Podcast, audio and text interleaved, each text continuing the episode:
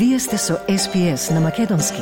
Слушнете повеќе прилози на sps.com.au козацрта на Седонин.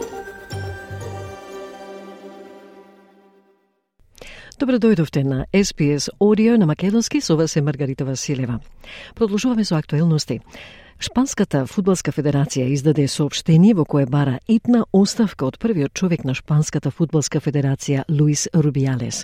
Ова доаѓа од како шпанските обвинители отворија прелиминарна истрага за однесувањето на господинот Рубијалес за да испитаат дали неговиот несакан бакнеж на играчот Джени Хермосо представува криминален напад. Инцидентот предизвика жестока национална и меѓународна дебата за правата на жените, мачо однесувањето и сексуалната злоупотреба во спортот. Повеќе на оваа тема од прилогот на Анджелика Уайт за SBS News.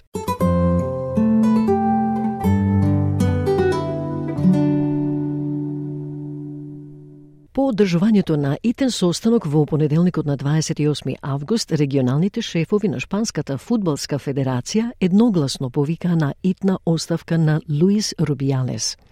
Состанокот беше свикан откако се очекуваше господинот Рубијалес да се повлече од својата позиција на состанокот на Федерацијата во петокот на 25 август, но наместо тоа, тој го бранеше своето однесување и го нарече бакнежот спонтан, взаемен, еуфоричен и консензуален, затворен цитат.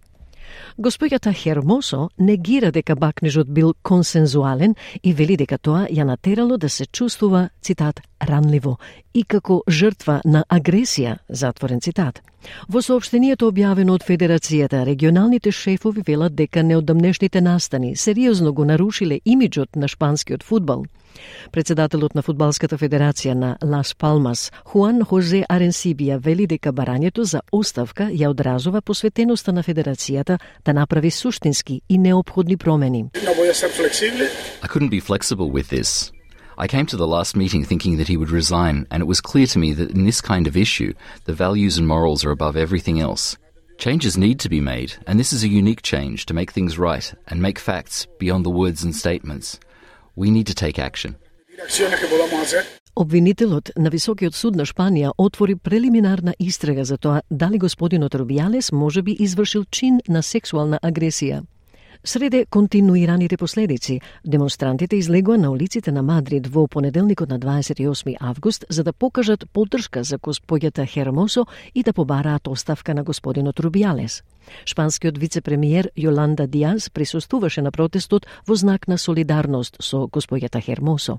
Господјата Диаз вети целосна поддршка за фудбалската звезда, велики дека на господинот Рубијалес и на оние кои ги бранија неговите постапки не треба да им се дозволи да ги задржат своите лидерски позиции. Според Диаз, оние функционери кои му аплаудираа на господинот Рубијалес не се соодветни да продолжат на своите позиции. Тие аплаудираа на кршењето на нечии права и на предпоставената сексуална агресија, изјави Диаз.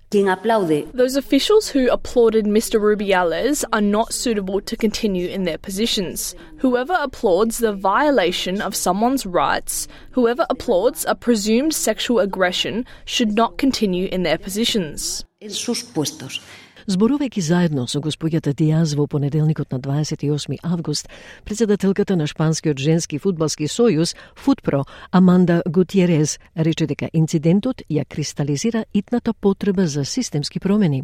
Аманда Гутиерез изјави дека не се работи само за еден чин, туку дека ова е структурен проблем со системот што го организира фудбалот во Шпанија. Mi apoyo total y absoluto a, a nuestra afiliada. I give my full support to our member, Jenny Hermoso. Like we said in our statement, this is not just about a single act, nor do we want it to be focused on just one person. But what we want to say and what we have said together with the players is that this is a structural problem. This is a problem with system which organizes soccer in our country. Liderët e isto taka se vključia kontroverzijata, Портпаролот на Обединетите нации Стефан Дујарич вели дека сексизмот е се уште критично прашање во спортот, барајќи од шпанските власти да одговорат на начин што ќе ги адресира овие пошироки системски и структурни прашања. Господинот Дујарич прашува колку е тешко некој да не се бакнува во усни и смета дека овде постои критично прашање на сексизмот што станува во спортот. Тој вели се надева дека шпанските власти и шпанската влада ќе се справат со ова на начин што ги почитува правата на сите спортистки. I mean, how, how difficult is it not to kiss somebody on the lips? Right? I mean, we, the, the, there is a critical issue of, uh, of sexism that remain in sports, and we hope that the Spanish authorities um, and the Spanish government deal with this in in a manner that respects um, the rights of, of all female athletes.